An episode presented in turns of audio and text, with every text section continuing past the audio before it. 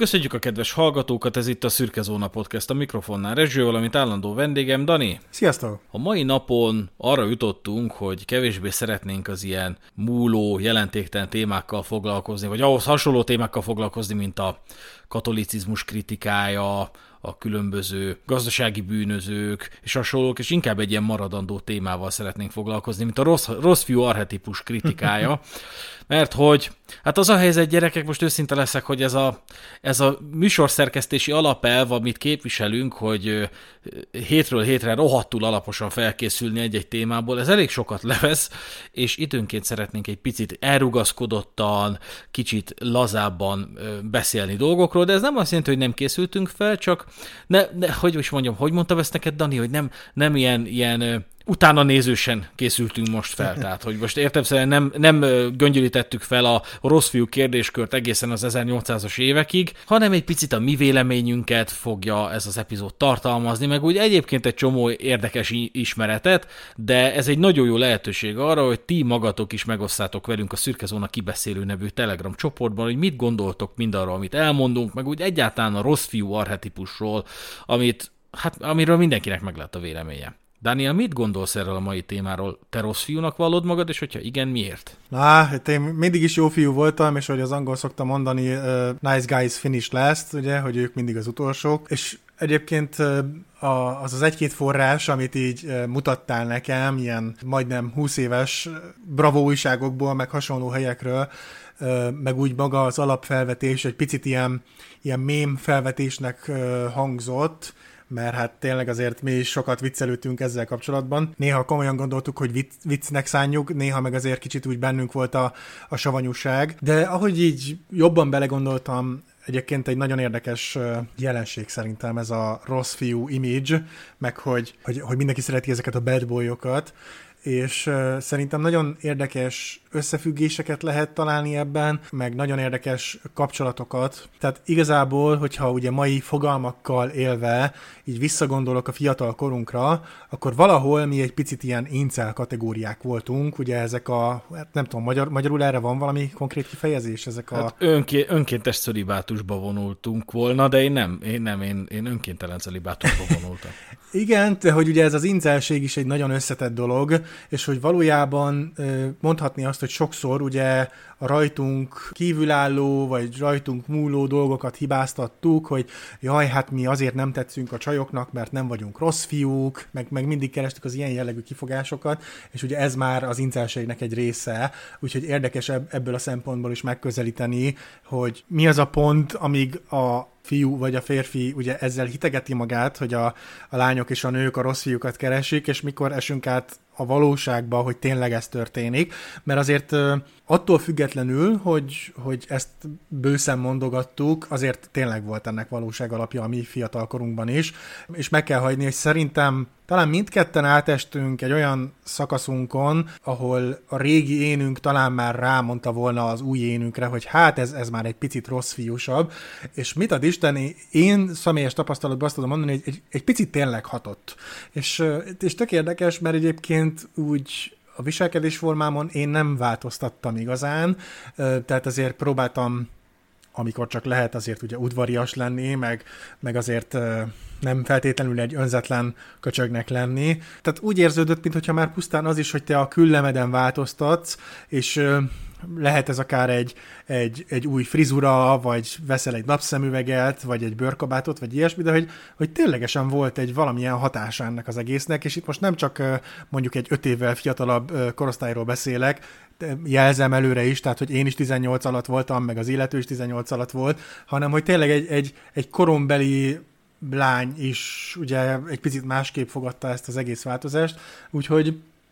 úgyhogy azt kell mondanom, hogy ö, valahol hülyeségnek hangzik ez a rossz fiú image, meg, meg, meg azért sokszor az emberek szeretnek túlzásba esni, de, de nem tudok mit tenni azzal, hogy saját tapasztalatból is azt kell mondanom, hogy valóban egy icipici rossz fiúság mégiscsak segített a, a, ahhoz, hogy jobban előnyhöz jussak, és, és ne, hogy Isten egy-két hölgynek megtetszek. Úgyhogy ebből a szempontból viszont, ahogy egyre mélyebben beleástam magam ebbe a kérdéskörbe, egyre érdekesebbnek tartottam ezt a kezdés, kezdésnél mém, mém témának induló dolgot. Hát én veleig rossz fiú vagyok. Én például évtizedes viszonylatban ö, tartom bekapcsolva a numlokot, annak ellenére, hogy nem használom a, nul, a numpadot a billentyűzetemen, és minden alkalom, amikor új billentyűzetet veszek, akkor hasonlóképi árok el. De viccet félretéve, ez a rossz fiú dolog, ez egy rendkívül tág fogalom, és amikor rossz fiúról beszélünk, akkor nem csak az egyik tényezőjéről, az egyik elágazásáról beszélünk, hanem sokféleképpen tudjuk ezt a dolgot értelmezni. A rossz fiúnak, a rossz fiúnak, a magyarországi rossz fiúnak például van egy szinonimája, a panelproli. Nagyon egyszerű ez az ilyen hatos karton sör vásárló, tekert cigi ö, csavargató, kaparós egy vásárolgató manuszka, aki össze-vissza csalja a barátnőjét, de, de ha, csak, ha csak csinos ruhát vesz föl egy szombat este már amiatt egy hatalmas féltékenység szánszot tud lekanyarítani, hát ismerjük ezt a fajtát. Remélem, hogy minél kevesebb hallgatóknak volt kapcsolata, legalábbis többnyire a lányokra gondolok ilyenkor, mert ugye a lányok vonzódhatnak a rossz fiúkhoz, hogyha mi viszont vonzódunk a rossz lányokhoz, az már egy picit probléma, de e tekintetben itt a jelenlegi epizódunk tekintetében egy kicsit, hogy is mondjam, kiérdemeltebb pozíciót foglalnak most el a női hallgatói, mert hiszen nekik kell, kellett esetleg, hogy szükségszerűen legyen kapcsolatuk ezzel a rossz fiú arhetipussal. És hát mondom, van olyan rossz fiú is, aki valójában csak egy köcsög, és, és nekem inkább igazából ehhez fűződik kapcsolatom úgy az életem során, mert hogy én sose voltam köcsög, én egy jó, jó gyerek vagyok, engem jól neveltek, estében nem, egyszerűen nem vagyok arra az ilyen, ilyen zsigeri rossz fiúságra képes, ami például egyes nőknek, vagy egyes lányoknak mondjuk a középiskolában úgy tetszett. Mert hiszen a legtöbb férfi hallgatónak le, lehet ezzel élménye, hogy van, van az az egy osztálytársunk, aki egy ilyen bunkó fasz, és remélet, hogy így semmire nem fogja vinni az életben, de addig is a kurva anyját, és mindig ezeknek van barátnője, és mindig ezek járnak a legjobb csajjal, pedig az igazság érzeted azt diktálja, hogy nem feltétlenül érdemelné meg ezt a egyébként általad is talán vágyott sorsot, hanem leginkább azt érdemelné, hogyha van, lenne igazság a földön, csak hát nincs, hogy ne is legyen barátnője, aki ekkora bunkó. Csak aztán ugye mégiscsak van egy ilyen tényező az iskolában, hogy a lányok mégiscsak iránta érdeklődnek, mert hát olyan kis határozott, olyan kis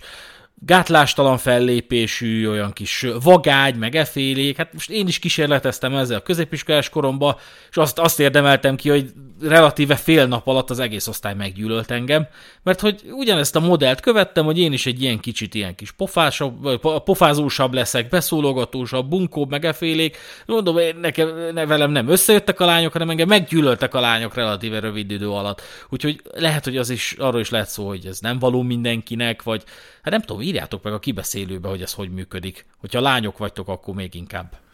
Én egyébként azon gondolkoztam, és most anélkül ugye, hogy szakértő lennék, illetve az adott nemnek egy tagja lennék, hogy szerintem azért a most, most, most próbálok egyelőre nem a nőkről beszélni, bár ugye, hát nő, lány, igen, tehát azért ugye itt a korosztályok is, hogy mondjam, kinél jobban kitolódik ez, ki hamarabb rájön dolgokra. Én alapvetően azzal nem értek egyet, hogy a nők azok hamarabb nőnek föl, mint a férfiak. Ez sok esetben igaz tud lenni, de azért lássuk be, hogy azért 20-30 éves hölgyek is vannak, akik azért eléggé gyerekes módon viselkednek, úgyhogy ezért nem szeretem én csak ezt az általánosítást. Ettől függetlenül valóban létezhetnek olyan lányok, akik hamarabbá válnak nőkké gondolkodás téren is, de hogy hogy ugye szerintem van az a szint, amikor ez a rossz fiúság, ahogy megnyilvánul, mert ugye hát nagyon sokféleképpen tud megnyilvánulni. Tehát te, te, te, tényleg lehetsz bunkó, lehetsz határozott, lehetsz hűtlen, meg stb. stb. De hogy, hogy szerintem néhány karakterisztikája ennek a rossz fiúságnak, ez egy fiatal lány szemében azért tud szimpatikus lenni, mert hát ahogy a férfiaknál és srácoknál, ugye a lányoknál és nőknél is azért szokott dominálni a hormon, és ugye, és szerintem egy picit előjön az állatias részük, mint ahogy nekünk is előjön az állatias részünk, ugye pont az elmúlt időkben gondolkoztam a, az ilyen szexuális zaklatásos ügyeken, amikor különböző ilyen OnlyFans modellek, meg pornószínészek, meg ilyenek, és most bocsánat a kifejezésért, de hogy, hogy, hogy panaszkodnak, hogy ne adj Isten, tapizzák őket, meg hogy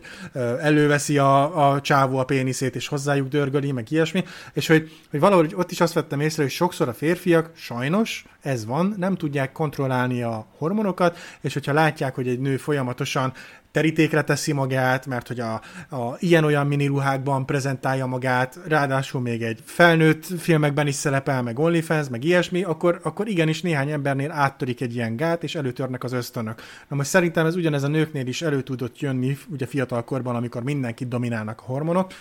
hogy hát látja, hogy hú, hát ez, ez kicsit határozottabbnak tűnik, meg kicsit bunkónak, meg hát olyan, olyan vezető szerepe van, hogy mondjuk a, az osztályban öt fiú van, és mindig mindenki őt lengi körbe, meg az ő, hát most nem azt mondom utasításait, de az ő javaslatait akár követik, meg stb. stb. és akkor ez szimpatikus tud lenni. Ez ugye még a, a barátságosabb szituáció, mert ezt ugye általában ki lehet nőni, és szerintem a legtöbb nő ebbe a kategóriába esik, hogy tizen akárhány évesen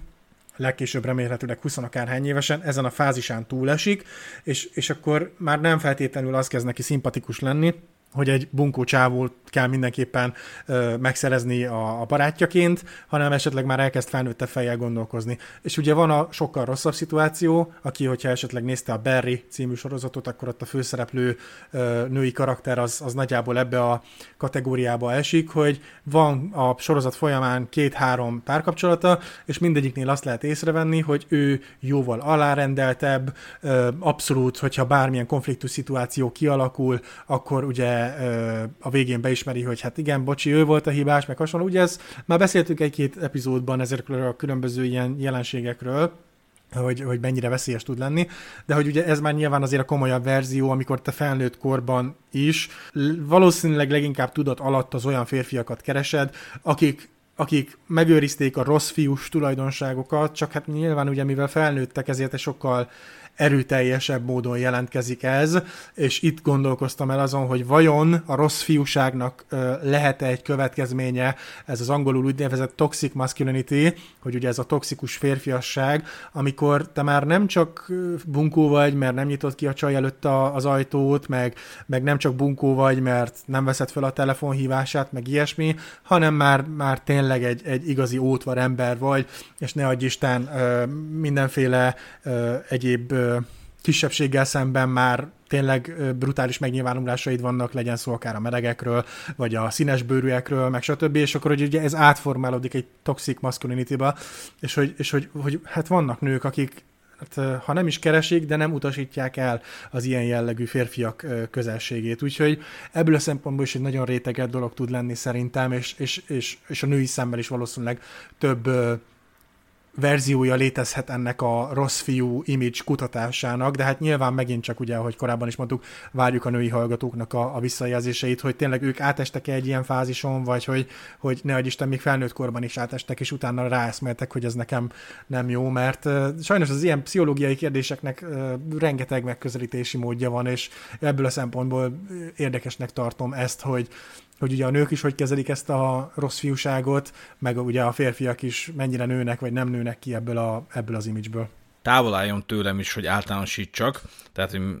egyáltalán, és szeretném hangsúlyozni, egyáltalán nem gondolom azt, hogy minden nő így működne, de, de előfordul, hogy bizonyos nő valamiért vonzódik -e ez a rossz fiú arhetipushoz. És hogy nem mindegy, hogy mit értenek ez alatt, és akkor most így meg is ragadnám az alkalmat, és egy picit mennék a szakirodalomra, mert hogy van nekünk egy árkánum előfizetésünk, ugyebár, ami számotokra is elérhető, csak egy előfizetés kell hozzá, és ott hát hozzáfértünk a 90-es évek képes ifjúság példányaihoz, amelyben hát nem ritkán írnak a rossz fiúkról, hogy, kilen, hogy a 90-es években hogy ítélték meg a rossz fiúkat, arról ez a cikk, amit elhelyezünk a show notes-ban, kiválóan ad egy átfogó képet, miről ismerik fel a rossz fiúkat. A rossz fiúk soha nem sírnak, nem érkeznek idejében, nem szeretnek borotválkozni, nem kaptak díjat az iskolában, nem szeretnek vásárolni, nem kérdezik meg, hogy megcsókolhatnak-e mielőtt azt megtennék, nem vasalják ki a saját holmiukat, nem szeretnek interjút adni, nem fényesítik ki a cipőjüket, nem tudnak hűségesek lenni, és nem mosolyognak a fényképeken. A rossz fiúk továbbá előnyben részesítik a hosszú lábú lányokat, gyűlölik a nyilvánosságot, morcosak gyakran zúgolódnak. A rossz fiúk zavarják, háborgatják a csöndes szomszédokat, Le akarnak feküdni veled? Többet isznak a kelleténél? Általában morcosan néznek? Szuperül néznek ki rövidújú trikóban. Még jobban néznek ki, ha a trikót levetik? Hmm. Hirtelen váratlanul nősülnek. Passz meg. A, ke- a könnyebb tájékozódás kedvéért elmondjuk, hogy kimondott a rossz fiú volt Mick Jagger, George Michael, John, John McEnroe. Én, szerintem ez még a George Michaelnek a coming outja előtt Igen, lehetett az a cikk. És soha nem válhat rossz fiúvá Michael Jackson. hát csak pár gyereket megrontott, igen. igen, de mindegy. Cliff Richard, Michael J. Fox, Rick Astley.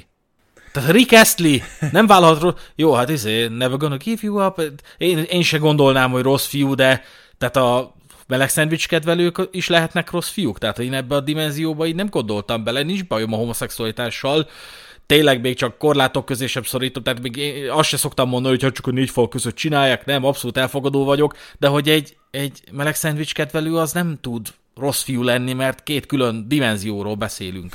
Ez olyan, mint amikor azt mondjuk, hogy a, a, a tanárok miért nem keresnek annyit, mint a focisták. Két külön kategória, könyörgöm. Igen, érdekesek ezek a példák. Igazából ugye ez a 90-es években készült, tehát azért már egy picit elmozdultunk ugye az 50-es, 60-as évektől, de hát ugye, hogyha belegondolunk egy-két ikonikus karakterbe, ugye a John Travoltának is volt egy ilyen korszaka, meg még egyéb színészeknek, hogy tényleg ez a tipikus beállított séró, meg bőrkabát, meg cigi a szájban, meg ilyesmi, és hogy,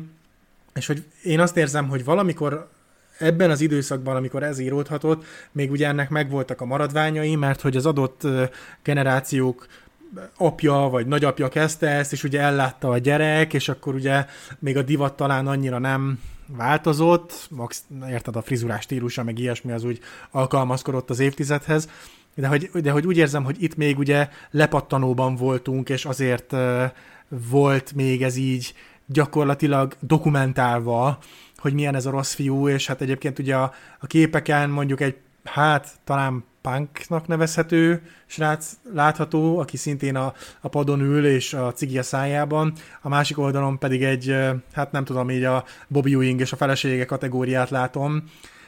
Szóval, hogy úgy érzem, hogy, hogy itt ebben a 90-es években itt még ott járhattunk, hogy, hogy itt még nagyon élt ez az egész image, és, és tényleg így próbáltak így, így összeszedni dolgokat, amik érdekes, mert mondjuk hát Mick Jagger elmondani, hogy mondjuk gyűlöli a nyilvánosságot, most mondjuk ja, pont ez az egy ló ki nekem a listából, de ja, szóval érdekes, hogy, hogy itt sem tudták teljesen megfogni, meg hát mégis Magyarországról beszélünk, tehát ugye, uh, hogy mondjam, azért itt uh, valószínűleg egy 10-15 éves késéssel jutott egyáltalán el ez a rossz,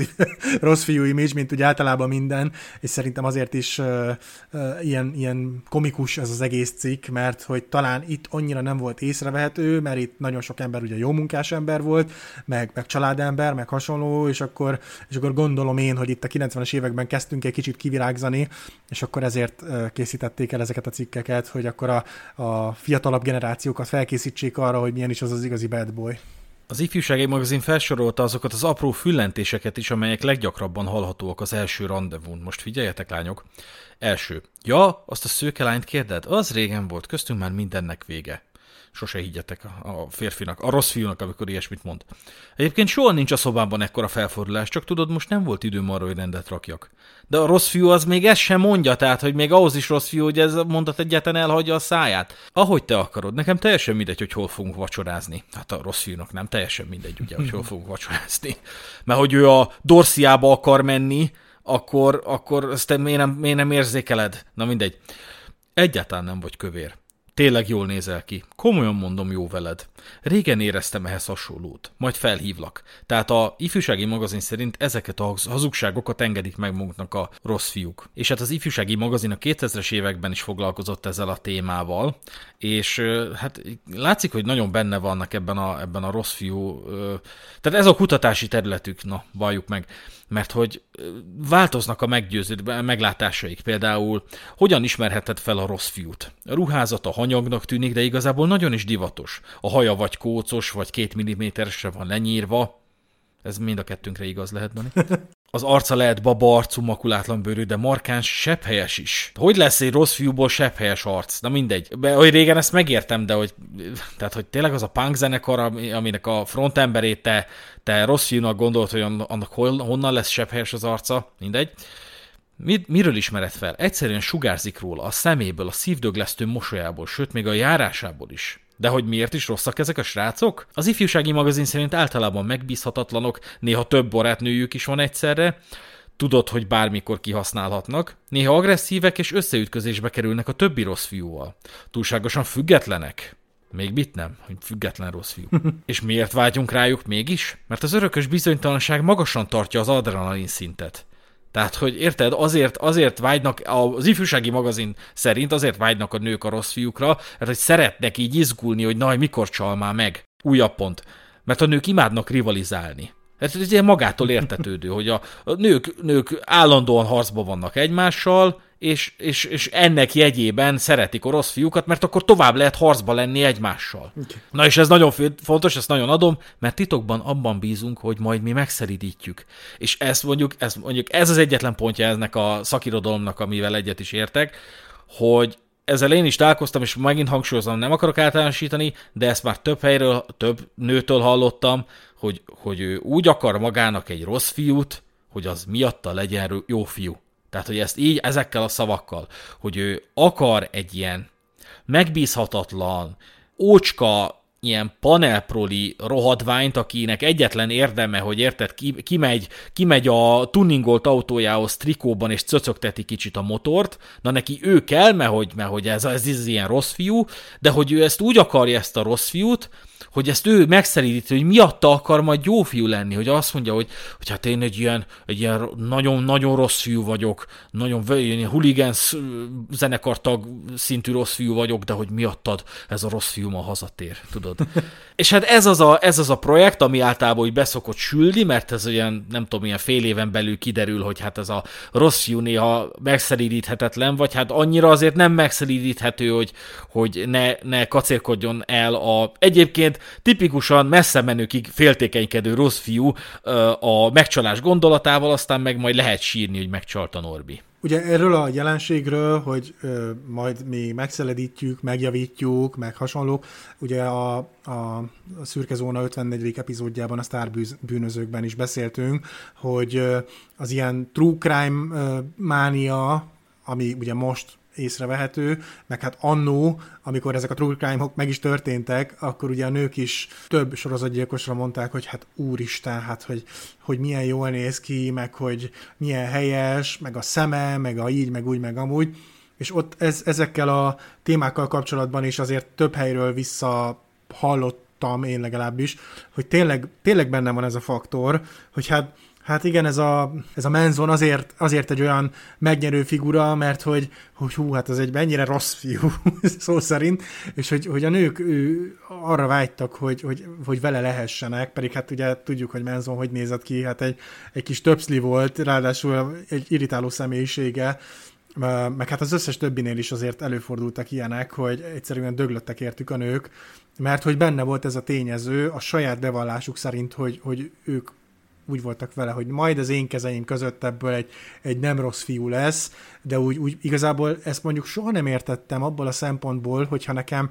ezek a karakterisztikák tetszenek meg egy, egy másik emberben, hogy ő egy rossz fiú, és akkor most ez jelentsen számomra, amit jelent, de hogy amikor összejövünk, akkor egy idő múlva ő már nem ilyen lesz, tehát akkor végül is én őt nem maga miatt kedveltem, illetve szerettem meg, hanem hogy azért, hogy én majd elérjek valamit vele, és megváltoztassam a személyiségét, tehát azért itt is van egy kis ellentmondás ebben az egész felfogásban, és nyilván Valószínűleg ezért tér el a normálistól ez a viselkedés, mert, mert, mert nekem ez tényleg mindig is fura volt, hogy én azért jövök össze valakivel, hogy megváltoztassam. Úgyhogy ez nekem nem nagyon fért meg így a fejemben, megmondom őszintén. Beszéljünk akkor az alfa hím kamuról, hogy úgy mondjam. Ugye van ez a felfogás, hogy hát a, a, az embereknél is ugyanúgy tetten érhető az a modell, mint ami a farkasoknál, hogy hát egyszerűen kinő a közegből az alfa hím, mert hogy ez a társadalmi hierarchia, ami leginkább a farkas farkasoknál érzékelhető, az az embereknél is ugyanúgy megvan, és akkor, hogy ezek az ilyen, ilyen nagyon határozott, nagyon kemény fellépésű rossz fiúk, ezek szokták, szoktak lenni az alfák, és erről a College Humor csinált egy kiváló videót, mint egy négy percben, ahol el is magyarázzák, hogy ez nem csak az embernél, de a farkasnál ugyanúgy kamu, mert hogy valójában nincsenek alfahímek a farkasoknál sem, és el is magyarázzák, hogy lényegében arról van szó, hogy egy L. David Meach nevű faszi, kutató, nem tudom, valami zoológus, elment egy rezervátumba, és ott megfigyelte a farkasoknak a viselkedését. És könyvet írt a témából, mert hogy azt látta, hogy egy ilyen több főből, vagy több, több példányból álló farkas falka szerűség, az így egyetlen egy farkasnak a viselkedéséhez igazodik, hogy az, azt tekintik így példának, és hát kvázi, hogy nyilvánvalóan az az alfa, és annyira megtetszett a Mitchnek ez a, ez a felé, felállás, hogy hát írt is egy könyvet, és iszonyat népszerű volt, mert hát kinek ne tetszene egy ilyen koncepció, mint hogy van egy ilyen modell az állatvilágban, hogy egész egyszerűen kinő a, a határozott példánya, meg a domináns példánya a, a, közö, a közösségből, a közegből, és abból lesz a vezető, és 20 évvel később ennek a Mitchnek újra kell gondolnia ezt a koncepciót, mert hogy kiment a vadonba, és ott folytatott megint csak megfigyeléseket, de ott viszont már arra engedték következtetni a megfigyelései, hogy amit ő falkának hitt, az valójában család, és akit ő alfának gondolt, az valójában a szülő. Csak ugye ő ezt egy elszigetelt közegben tudta csak megfigyelni, de valójában nem erről van szó a farkasoknál, legalábbis az ő kutatásai szerint, akitől származik az alfahím kifejezés. Nem erről van szó, amit az előbb levezettem, hanem épp ellenkezőleg nem fa- falkáról van szó, hanem családról, és, és, és nem alfáról van szó, hanem szülőről. 20 évvel később már bármit tehetett is, és meg is próbált mindent megtenni annak, mindent megtenni annak érdekében, hogy a, a korábbi könyvét eltávolítassa a polcokról, de már később volt, mert ez a modell, ez a felfogás, hogy hát az alfa hím, ez önálló életre kelt. És ugyanúgy él ez a hazugság az embereknél is, de ugyanúgy hazugság, mint a farkasoknál, és ezt meg is hivatkozzák, az M.W. Foster írja az American Journal of Primatology-ban 2009-ben, hogy valójában nem mindig a határozott agresszív példányok a dominánsak, akár az állatvilágban sem, így például a csimpánzoknál is megfigyelhető, hogy a kisebb, visszafogottabb példányok is lehetnek dominánsak. És ezt én egyébként abszolút le tudom vetíteni a társadalomra is, és nekem abszolút van egy ilyen elméletem, lehet ezzel vitatkozni, hogy mondjuk egy bizonyos életkorig, mondjuk tényleg most csak hasamra ütök mondjuk 23 éves koráig maximum, egy nő számára akár még vonzó is lehet egy ilyen alfahímként viselkedő, határozott, domináns, kicsit olyan bulli, gangsta, rossz fiú, de én legalábbis azt gondolom, hogy egy bizonyos kor fölött egy nő számára kevésbé érdekes a, a sportkocsi, és minél érdekesebb, vagy annál jóval érdekesebbé válik a sportkombi. Mert nem a cöcögtetés, a motorcöcögtetés lesz a szexi, hanem hogy beférre a bőrön, meg majd a gyerekülés hátúra. Akkor kevésbé lesz érdekes a kockahas, és érdekesebb lesz egy, egy deadbud, egy fater test, mert egyrészt, egyrészt az kényelmes is, tehát ráfeküdni kényelmes, azt sugalmazza, hogy nem minden percet tölt a, az edzőterembe, mint ahogy a kockahas, és mellesleg a kockahas lehet, hogy nem csak neked építette fel azt a kockahasat. Tehát azt gondolom legalábbis, hogy ezek megváltoznak ezek a preferenciák, és így például a, a határozottság, meg az ilyen gangstáskodás az háttérbe szorul, vagy kevésbé lesz érdekes, és a kedvesség, a családcentrikusság, a gondoskodás, a megbízhatóság, tehát egy kicsit ez az ilyen, kevésbé lesz szexi a gangsta, és gangstább lesz a könyvelő. Értitek? Hogy, hogy ez egész, egész egyszerűen ez, az, az egy bizonyos kor fölött azt gondolom, hogy, hogy szimpatikusabb lesz a, a nőknek. De mondom, lehet ezzel vitatkozni, lehet, hogy tök hülyén gondolom, mert hallottam olyat is, hogy egy 30 éves nőnek a, a mindene a kockahasú ilyen olasz típusú faszik, le, viselkedjen bárhogy, legyen bármennyire is nem családcentrikus, vagy akár tök mindegy, a kockahas a lényeg. Tehát ilyen is van nyilván, meg olyan is van, amit én elmondok, és nyilván ez számunkra kedvezőbb, vagy a mi, mi arhetipusunknak kedvezőbb lenne, mert akkor nem kell már tényleg a modellkarrieren ügyködni, hanem el lehet engedni, ki lehet engedni a pocakot nyilvánosan is, mert tudjuk, hogy ez ugyanúgy tud szexi lenni, mint a kockahas.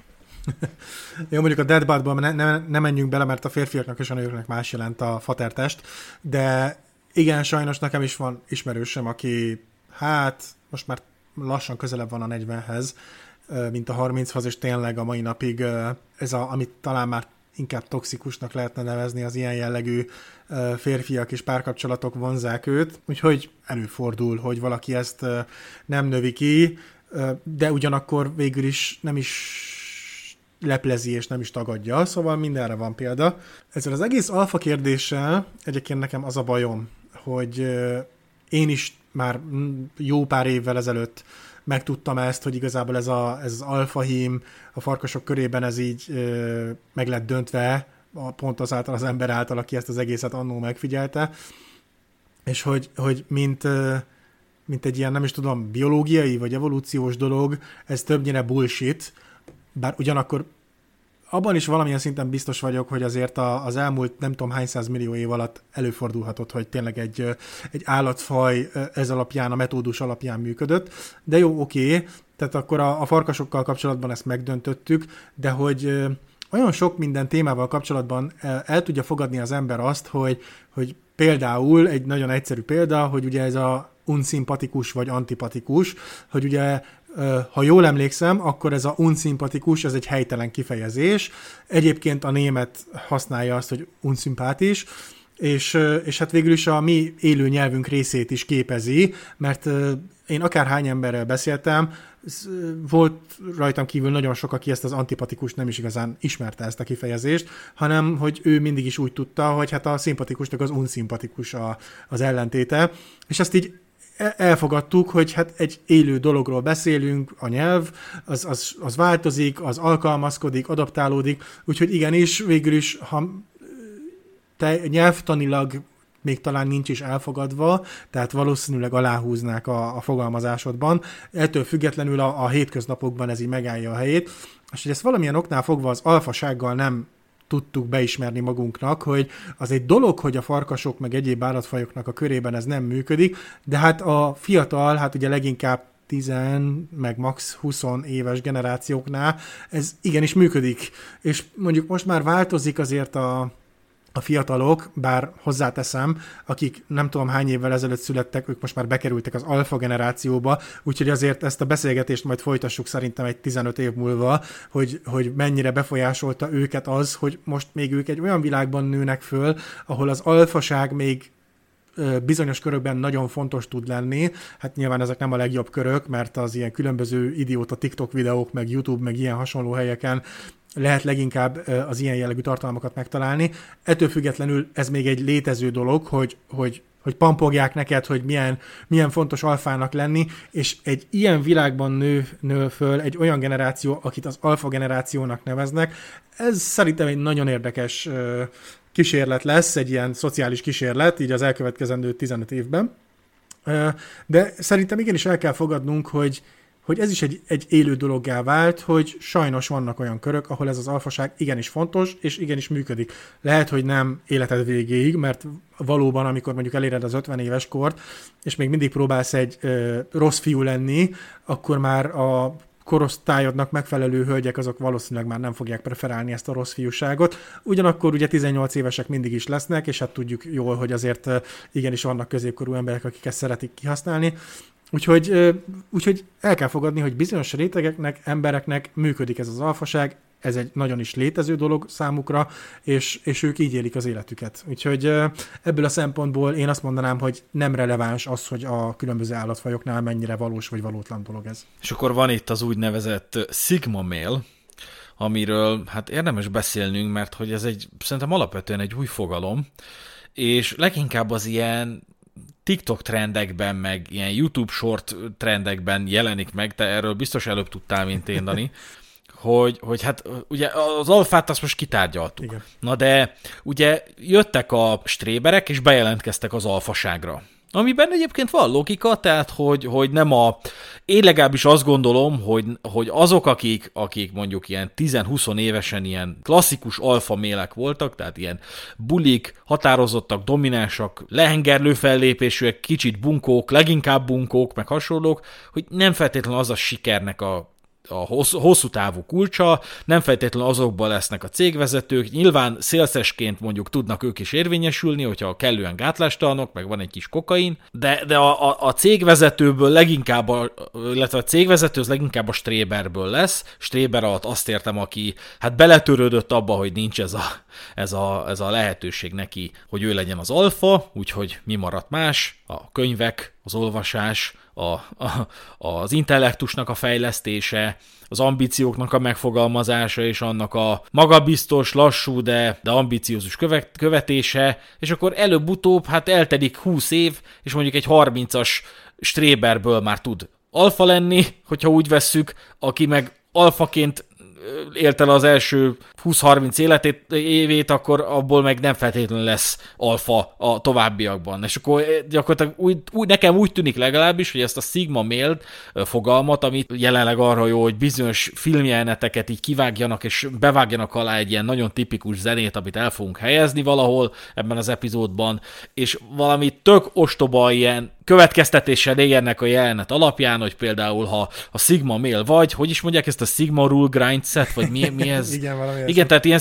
Sigma szabályokat idéznek fel, hogy mit tudom én, Breaking Badből, hogy, hogyha, hogyha fenyegetik a családodat, akkor gépfegyvereztes le a, a mafiózókat. Ez a Sigma Rule, nem tudom, hanyadik szám. Ja, hát meg ugye a Breaking Badből volt egy jelenet, amikor a, a Hank nevű karakter pisztolypárbajba kerül a Tukóval, ez talán az első évadban van, vagy nagyon max a másodikban, fogalmam sincs, és akkor erre a hülye zenére gyakorlatilag ö, feliratozzák a képernyőt, hogy Sigmaként miket kell csinálni, hogy hogyan kell izé, a dominanciát kiépíteni ezekben az élethelyzetekben, és valójában tényleg arról van szó, hogy a szig- szigmák azok, akik legalábbis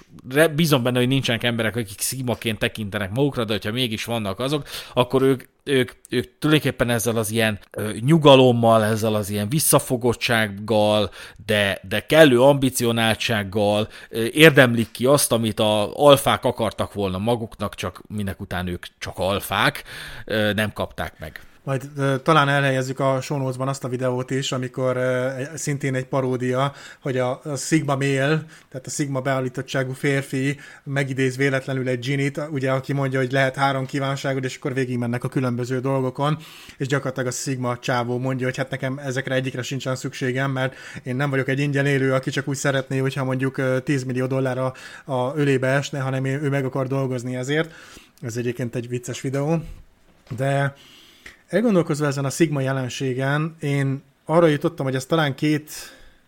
két másik jelenségnek köszönhető, hogy ez kialakulhatott. Az egyik az az, hogy valószínűleg az elmúlt, hát azt hiszem egyébként ez ugye 2010-es évek közepén kezdett el kialakulni ez a Sigma mail kifejezés, hogy az azt megelőző 15 évben valószínűleg nagyjából akkor, amikor megállapították a farkasokkal kapcsolatban, hogy nem létezik ez az alfaság,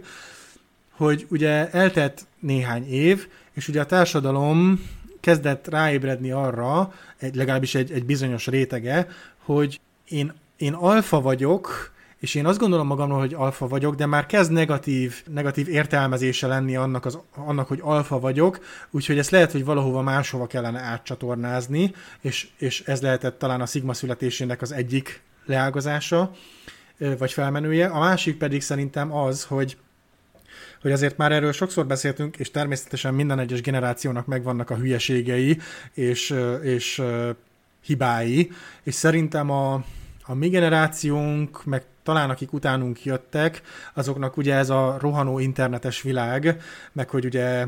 amivel azért mi is sajnos szoktunk viccelődni, hogy azért az idősebb, hát ugye leginkább a boomer generációtól sokszor halljuk azt, hogy hogy jaj, hát ők, ők ilyen házat szereztek, meg hogy mennyivel jobb volt akkor élni, meg akkor mindenkinek volt munkája, és, és hogy gyakorlatilag nekik egy egész Hawaii Dizsi volt az életük,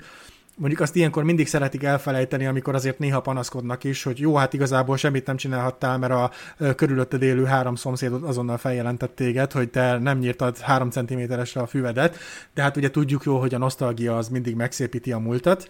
és azért most már az én szüleim is úgy emlékeznek vissza a kommunizmusra, hogy igazából akkor nagyon jó volt nekik, és akkor nem látják be, hogy a fiatalabb generációk, például mi, és akár az utánunk jövő generáció, az sokkal jobban kell, hogy törtessen, görizzen, gyakorlatilag lemondjan az egész életéről, csak azért, hogy egy házat fel tudjon építeni magának. És lássuk be őszintén, hogy ha te nem örökölsz meg több 10 millió forintot, vagy nem veszel fel egy olyan hitelt, amivel 40 évre eladod az életed, akkor nagyon kevés esélyed van arra, hogy te felépítsed magadnak a saját családi házadat.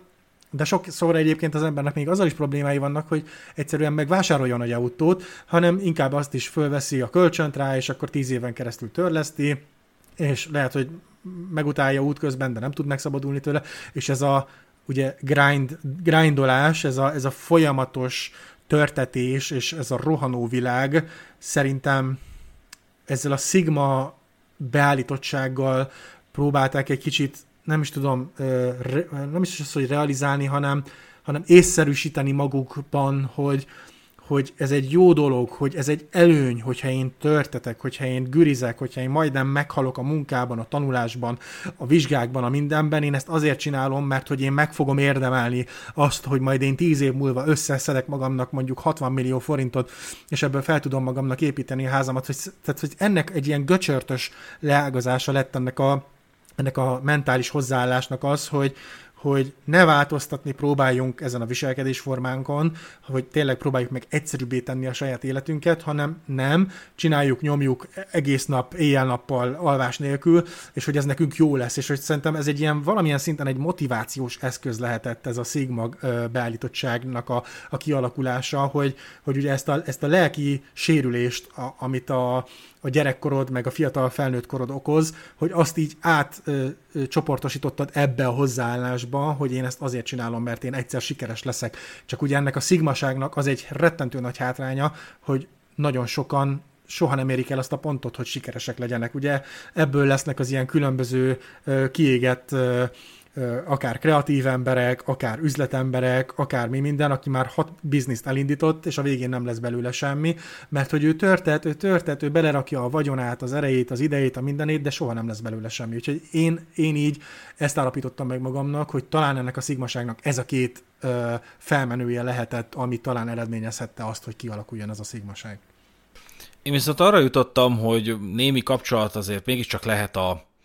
rossz fiúkhoz való vonzódás és a biológia vagy a genetika között, mert hogy annak, hogy kihez vonzódsz, annak alapvetően van egy törvényszerűsége,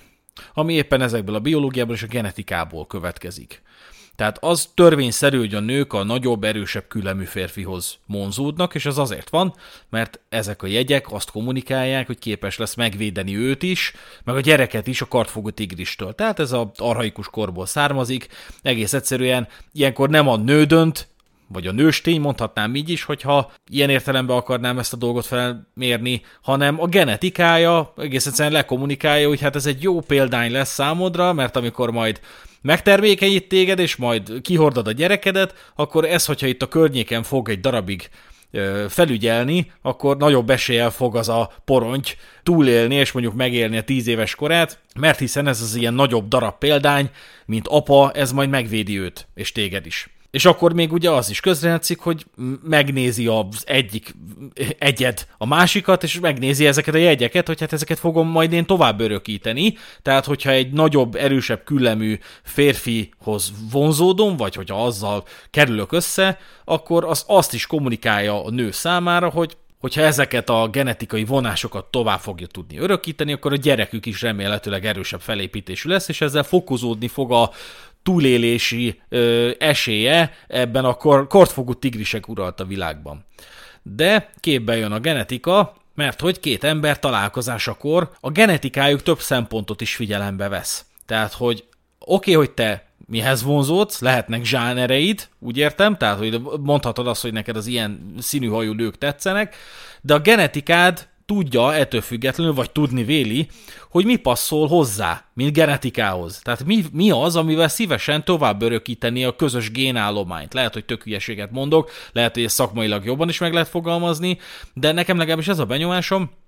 hogy két ember találkozik, és mondjuk tetszenek egymásnak, az nem csak azért van, mert mind a kettő szép, vagy nem csak azért van, mert az egyik a másiknak a zsánere, hanem azért is van, mert egész egyszerűen érez, érzitek egymás szagát, látjátok egymás vonásait, látjátok egymás mozgását, és ez a, a genetikádnak az diktálja, hogy na ez jó lesz, basszus ez, hogyha lesz egy közös porontjunk, akkor az pontosan olyan dolog lesz, ami, ami egy ideális konstrukcióból fog adódni, ugyanis a kettőnk genetikája tökéletesen illeszkedik egymáshoz. Ezt talán így tudnám a legegyszerűbben megfogalmazni. Hmm. Ilyetén szép és vonzó közt is lehet különbség, tehát beszélhetünk esztétikailag szép, szépről, illetőleg beszélhetünk vonzóról. Az esztétikai szép az mondjuk egy, egy nagyon-nagyon szép nő, akit te magad is, mint férfi, szépnek tudsz találni, vagy akár nőként egy szép férfit, de hogy nem érzed azt a bizsergést, nem érzed azt az érdeklődést, nem, nem érzed azt, hogy feleségül tudnád venni, meg az ortárhoz kísérni, de tudod, hogy nagyon-nagyon szép, csak egész egyszerűen az, az van, hogy nem érdekes, és nem tudod ennél jobban megfogalmazni. Na ez az esztétikailag szép. Nem, nem arról van szó, hogy aki esztétikailag szép, az senki számára nem érdekes, csak valaki számára a, a szép az attól még nem biztos, hogy érdekes. Tehát, hogy ilyen az a, Ilyen az a példa, mint például, hogy esztétikailag szép tud lenni egy sportautó. Hogy tudod mondjuk egy Dodge Viperről, hogy nagyon-nagyon jó, nagyon-nagyon szép, de beleülsz és azt érzed, hogy nem vagy ide való hogy, hogy nem, nem tudod elképzelni azt, hogy ezzel fogsz mostantól furikázni, hogy nem fogsz tudni te elmenni a mátrába ezzel kirándulni, pedig te egy ilyen mátrába kirándulós karakter vagy. Na ez a különbség, ez az emberek közt ugyanúgy megvan, hogy dolgozhatsz a, a lapos hason, meg dolgozhatsz a szép nagy bicókon, ami adott esetben szép is lehet, de ugyanolyan csodálattal tudnak maximum tekinteni rá egyesek, mint például egy sportautóra, vagy egy nagyon szépre meszelt falra, de az még nem ugyanaz, mint amikor valaki oly mértékben vonzódik, hogy az, az már a genetikáját is ösztönzi arra, hogy közeledjen feléd, mert hiszen minden az diktálja, és nem csak a lapos has, meg a nagy bicó, hogy te egy ideális példány leszel számára, hogy tovább örökítsétek a génállományt, hanem egyéb szempontok is dominálnak. Tehát ezt így, így tudom leginkább összefoglalni. És akkor így jön szóba egyébként a zsánernek a kérdésköre, hogy hát mindenkinek lehet egy zsánere, vagy lehet, hogy valakinek nincs, de hogy bármelyikünk mondhatja azt, hogy például nekem ez, a, ez meg ez a típusú nő, az nagyon-nagyon tetszik, vagy egy férfinak, vagy bocsánat, vagy egy nőnek, az meg az a típusú férfi, mondjuk, a, mondjuk a, előbb említettem is, az ilyen olaszos típusú férfiak, azok nagyon-nagyon tetszenek. És ezzel egyébként nincsen semmi baj, de én azt gondolom, hogy a zsáner az kevésbé a genetikából és mindinkább a, a tanult szépségfelfogásból származik, tehát hogy egész egyszerűen az életed egy bizonyos pontján kaptál egy olyan benyomást az élettől, ami miatt ahhoz a típusú emberhez ö, elkezdesz oly mértékben vonzódni, hogy az a te zsánered, hogy az meglátod, és azt mondod, hogy hú, izé, na ez nekem a kriptonit. És, és ezzel csinyán kell bánni, tehát én semmiképpen nem gondolom azt, hogy ezt üldözni kéne. Hallottam már olyat is, hogy, hogy egy 30 pluszos nő, hát megbánta, hogy ő a, a, az igazi keresésében elmulasztotta egy csomó alkalommal az igazit, mert hogy ő a fejébe vette, hogy az ő élete szerelme az olyan kell, hogy legyen, mint amilyen a nagyapja volt, hogy ilyen kis motoros, kis vagány, kis bőrcsek is, kis hunyori, ilyen rossz fiú, és ő ezt az archetípust kutatta egészen 35 éves koráig, amikor is rájött, hogy hát nem találja meg ezt az archetípust, viszont több férfi is bejelentkezett nála, akik nem ezt az archetípust képviselték, viszont ők lettek volna az igaziak. És lemaradt róluk.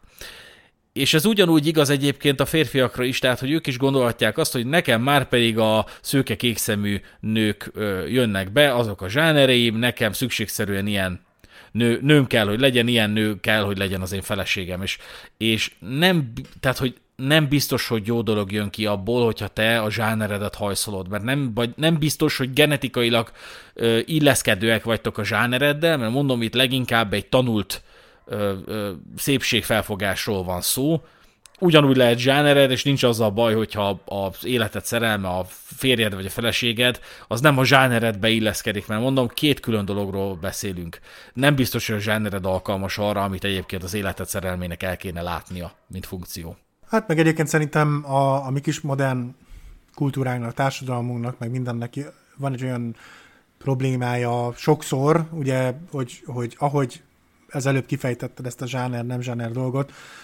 hogy sokan talán ö, abba se gondolnak bele, hogy, hogy nincs azzal gond, hogyha neked van egy olyan életszakaszod, amikor mondjuk csak élsz, és nem feltétlenül olyan férfiakat vagy nőket keresel, akikkel te le akarod élni az életed. Ö,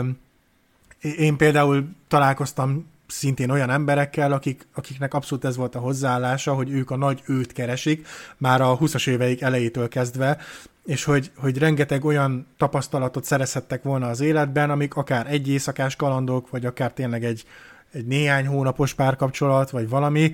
mert most itt nyilván nem feltétlenül arról van szó, hogy különböző szexuális úton terjedő betegségeket össze kell szedni, és akkor ez a nagy élettapasztalat, de hát ugye többféle embert, többféle stílusjegyet, karakterisztikát megismersz, és ezáltal szerintem többé tudsz válni, hogy, hogy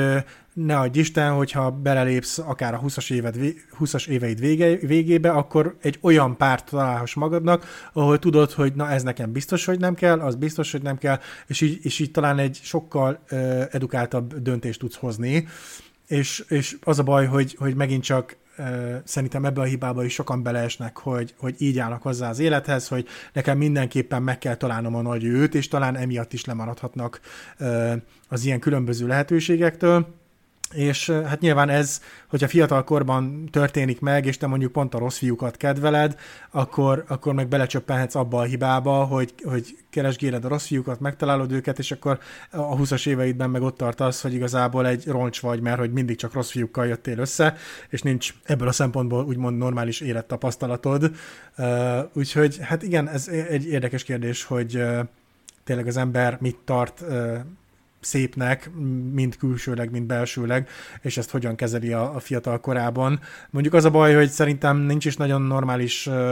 lehetőség arra, hogy ezekkel a dolgokkal kapcsolatban te bárkivel is beszéljél, mert hogyha most nyilván te fiatal lányként felnősz egy közösségben, akkor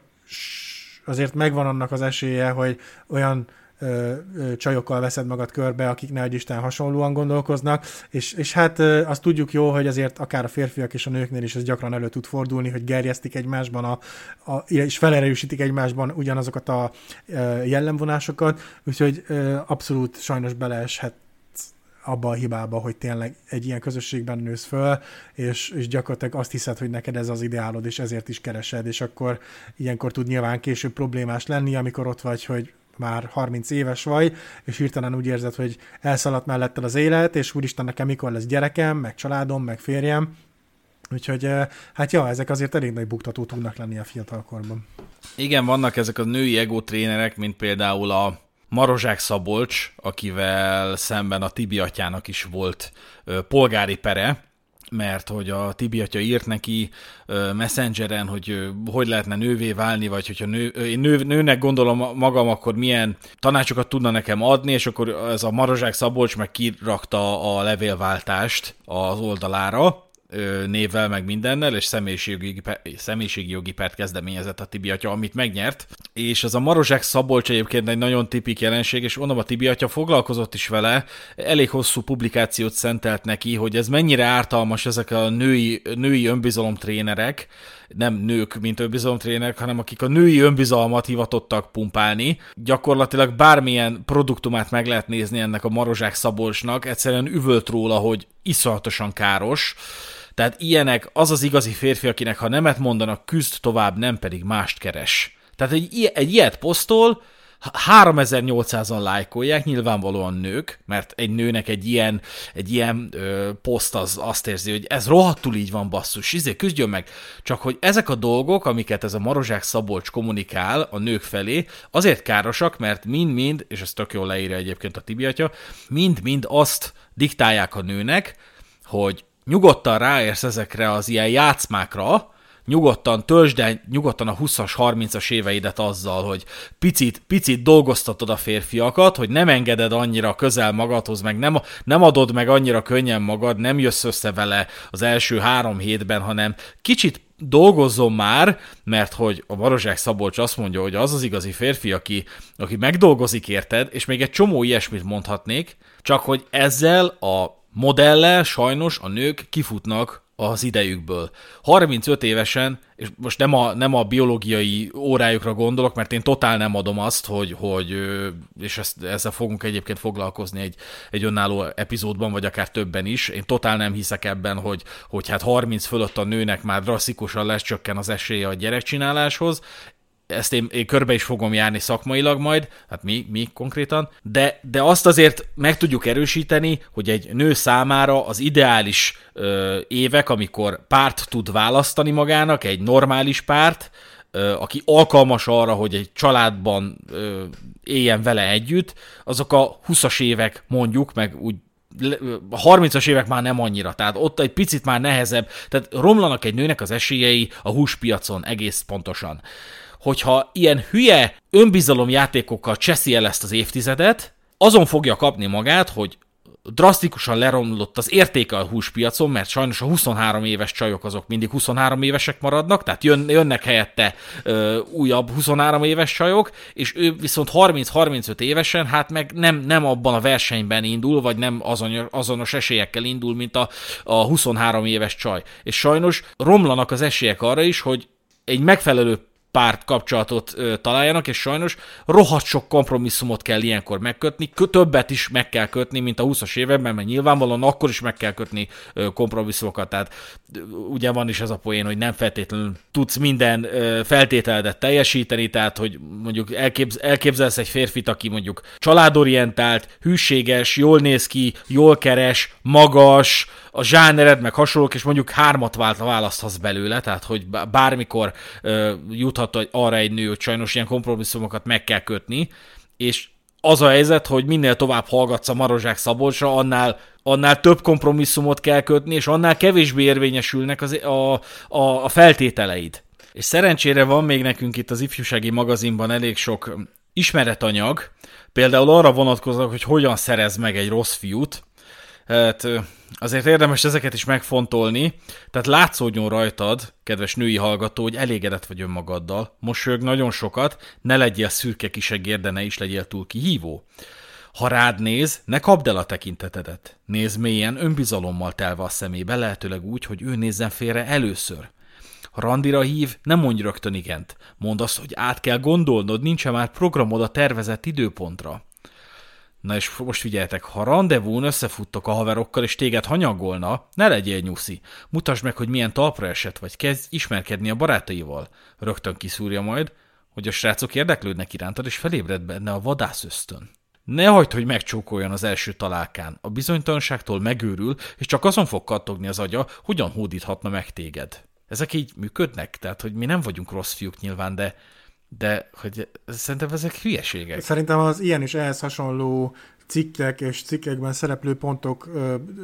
rontottak meg gyakorlatilag generációkat. Mert ö, tudjuk jól, hogy akár a fiúk és lányok oldalán is vannak ilyen örök bölcses, bölcsességek, amiket ugye mindig mindenki hallott a idősebbik testvérétől, vagy az idősebbik haverjától, vagy a ö, panelház rossz fiújától, meg ilyesmi, és ugyanez nyilván elmondható a lányokról is, hogy hát igen, itt-ott hallottam, amikor anyukám még beszéltek, meg stb. Csak úgy igazából ezeket a forrásokat soha nem tudjuk konkrétan megnevezni sok esetben, mert ez egy dolog, hogy az idősebbik testvérig visszamegyünk, hogy ő honnan hallotta, azt már nem fogjuk megtudni. És, és igen, ezek a cikkek, na, na ha valami toxikus, akkor szerintem az ilyen cikkek azok rohadtól azok tudnak lenni, mert hogy ez a gyakorlatilag most te még akkor is, hogyha egy olyan lány vagy, aki nem rossz fiút keresett magának, és véletlenül összejött valakivel, és véletlenül valamennyire hitt ezeknek a idióta cikkeknek, akkor gyakorlatilag ez a ne mondjál igent, ne csókold meg,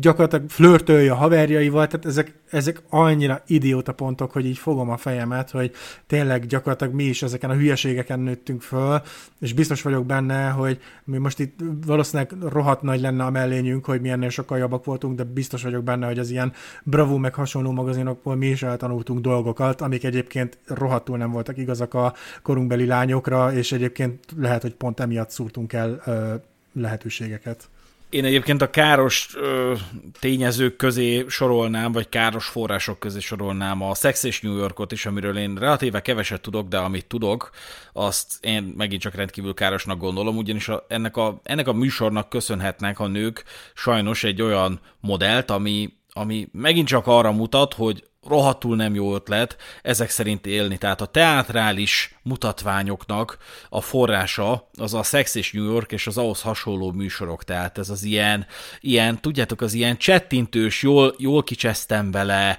jól megszivattam a faszit, most majd megtanulja, hogy engem elhagyni nem érdemes, meg eleve basszus, a férfiak tárgyasítása ugyanúgy következik a Sex és New Yorkban, mint a nők tárgyasítása. Gondoljátok végig, én nem tudok egy rohadt epizódot se felidézni, idézni belőle, mert feleségem nézi, vagy nézte egy-két epizódot, vagy egy-két jelenetet elkaptam belőle, de, de én azt látom, hogy, hogy olyan mutatványokat lesnek el a fiatal asszonyok, fiatal nők ebből a műsorból, ami, ami a való életben sajnos nem kifizetődő olyan szinten, mint a Samantának, aki, mit én, oda bilincseli a fasziát a, az ágyhoz, miközben annak meetingre kéne menni, aztán így, nem mint hogyha lenne ilyen jelent fogalmam is, de abszolút el tudnám képzelni, hogy aztán csak így le, ledobja így a, a sezlonra, vagy a sifonérra izét a kulcsot, hogy apukám dolgoz meg érte, hogyha annyira sürgős a meetinged, és aztán így pápá, tudod, na ezek, ezek basszus, ezek nagyon rossz tanácsadói a női nemnek, Pláne azért, mert mondom, eltelik x évtized, mondjuk másfél évtized, és már senki nem lesz kíváncsi erre a teatralitásra, meg úgy rád sem, és, és, és nem ezekkel kéne elcseszni azt a másfél évtizedet. Ja, meg hát basszus, volt a, a film, tehát azt is, azt is elkaptam, nem tudom már melyik filmben volt, de, de volt olyan, hogy pont ez a szőkenő, ez a Samantha, azt hiszem, ezt találta ki, hogy úgy fogadja a fasziát, hogy susikat teker saját magára, és így felkínálja magát mesztelenül, úgy, hogy, hogy így susik, susik sorakoznak rajta, basszus, tehát, hogy én azért, én azért a, az ízléses étkezésnek a híve vagyok, tehát én nagyon szeretek, szeretem megtisztelni elviselni azt, a, azt az időt, amit én az étkezéssel töltök, de hogy ez kinek jutott eszébe, az esküszöm, hogy ezt nő írta. Tehát, hogy ez, ez egy férfinak nem jut az eszébe, hát azért basszus, mondja már meg valaki, hogy bárki vonzódik-e ahhoz a gondolathoz, hogy, a, hogy egy nőről egyen. Hát hol van, uram Isten, hát ki találta ezt ki? Na mindegy, ezt uramisten, aki ezt megcsinálja a valóságban, az egy hülye szerintem, bocsánat. Igen, ö, én sem vagyok túl nagy ö, rajongója ennek a sorozatnak, tényleg maximum néhány epizódot láthattam, de legalább azt tudom mondani, hogy ennek volt egy ilyen bizonyos fantázia faktora, tehát ha nem voltál teljesen hülye, akkor, akkor azért volt esélyed, hogy ezt így realizáld magadban, hogy ez nem így van a valóságban, és azért ez itt túl van dramatizálva, meg mégiscsak egy tévésorozatról beszélünk. Engem az sokkal jobban aggaszt, mint hogy gyakorlatilag a TikTokon, YouTube-on és egyéb csatornákon teljesen autentikusan beállítva látsz olyan szituációkat, ahol hasonló hülyeségeket állítanak ugye a videóban szereplők, és hát nem tudom, hogy mennyire fogunk erről külön epizódot csinálni, de hogy ugye vannak ilyen kamu beállított tartalmak is, ahol akár egy férfi, akár egy nő, de gyakorlatilag teljes komolysággal, határozottsággal állítja az ő nézőpontjait, és ez nagyon sokszor ugye a pénz meg minden egyéb mellett a párkapcsolatról is szokott szólni, és például a párkapcsolattal kapcsolatban mondják, hogy hát a férfiaknak így kellene viselkednie, a nőknek úgy kellene viselkednie. Nem egy ilyen videóval találkoztam, ami konkrétan arról szólt, és mondom, tehát nem szatíra, meg semmi ilyesmi, hanem egy teljesen komoly videónak volt beállítva, hogy neked, mint barátnő, az a dolgod, hogyha hazajön a férjed, vagy a barátod a munkából, és látod rajta, hogy fáradt, akkor te gyakorlatilag azonnal letérdeljél, és orálisan kielégítsd. Volt egy másik videó, ami megint csak hasonló útvonalon indult el, és azt mondta, hogy ha én minimum nyolcszor nem elégítem ki a barátomat, akkor én, nem, nem, akkor én úgy gondolom, hogy nem elégedett velem. Tehát, hogy, és ilyen hülyeségekkel tömik a fiatal lányok fejét, és itt tényleg tizenéves 10-12, hát inkább 12-14 éves lányokról beszélünk, mert ugye ezt a TikTokot, ezt leginkább ők használják, és, és mondom, itt nincs meg az a, az a határ, mint ami a Sex és New Yorknál talán meg lehetett valamilyen szinten, hanem itt tényleg egy sokkal ö, ö, élethűbb ö, szituációként ábrázolják ezeket a dolgokat. Úgyhogy én ezeket még, még károsabbnak tartom, és hát mondanám, hogy remélem, hogy el fognak tűnni ezekről a platformokról ezek a tartalmak, de hát ahogy az elmúlt évek bemutatták, szerintem ezek nem nagyon fognak sehova sem menni, mert lehet mindent gyerekbaráttá tenni, meg lehet ilyen különböző irányelveket bevezetni a YouTube-on, meg mindenhol, de mindig lesznek kiskapuk, mindig lesznek szürkezónák, és ezeket meg fogják találni ezek a tartalomgyártók, és ugyanúgy megpróbálják befolyásolni a fiatal generáció tagjait. Én azt gondolom, hogy körbejártuk ezt a témát, és bízom benne, hogy egy tök jó vitaindító epizód lesz, és várunk szeretettel titeket a Szürke Zóna kibeszélőben, osszátok meg velünk a véleményeteket, nagyon szívesen fogadjuk, hashtag rossz fiú alatt bármikor, napszaktól függetlenül, és akár egy évvel később is nyugodtan írjatok be akármilyen véleményt, hogyha hülyeségeket beszéltünk, akkor azt írjátok be, hogyha helytelenül alkalmaztuk a magyar nyelvet, azt még inkább írjátok be, mert alig várjuk, imádjuk, amikor felhívják a figyelmünket a nyelvtani hibáinkra, és hogyha nő vagy és vala is úgy érezted, hogy minden pasi egy seggarcú gonosztevő, akkor megnyugtatlak, nem minden pasi seggarcú gonosztevő. Csak akik neked tetszenek. Снова один прогуляюсь без тени Заливаю лик, пацану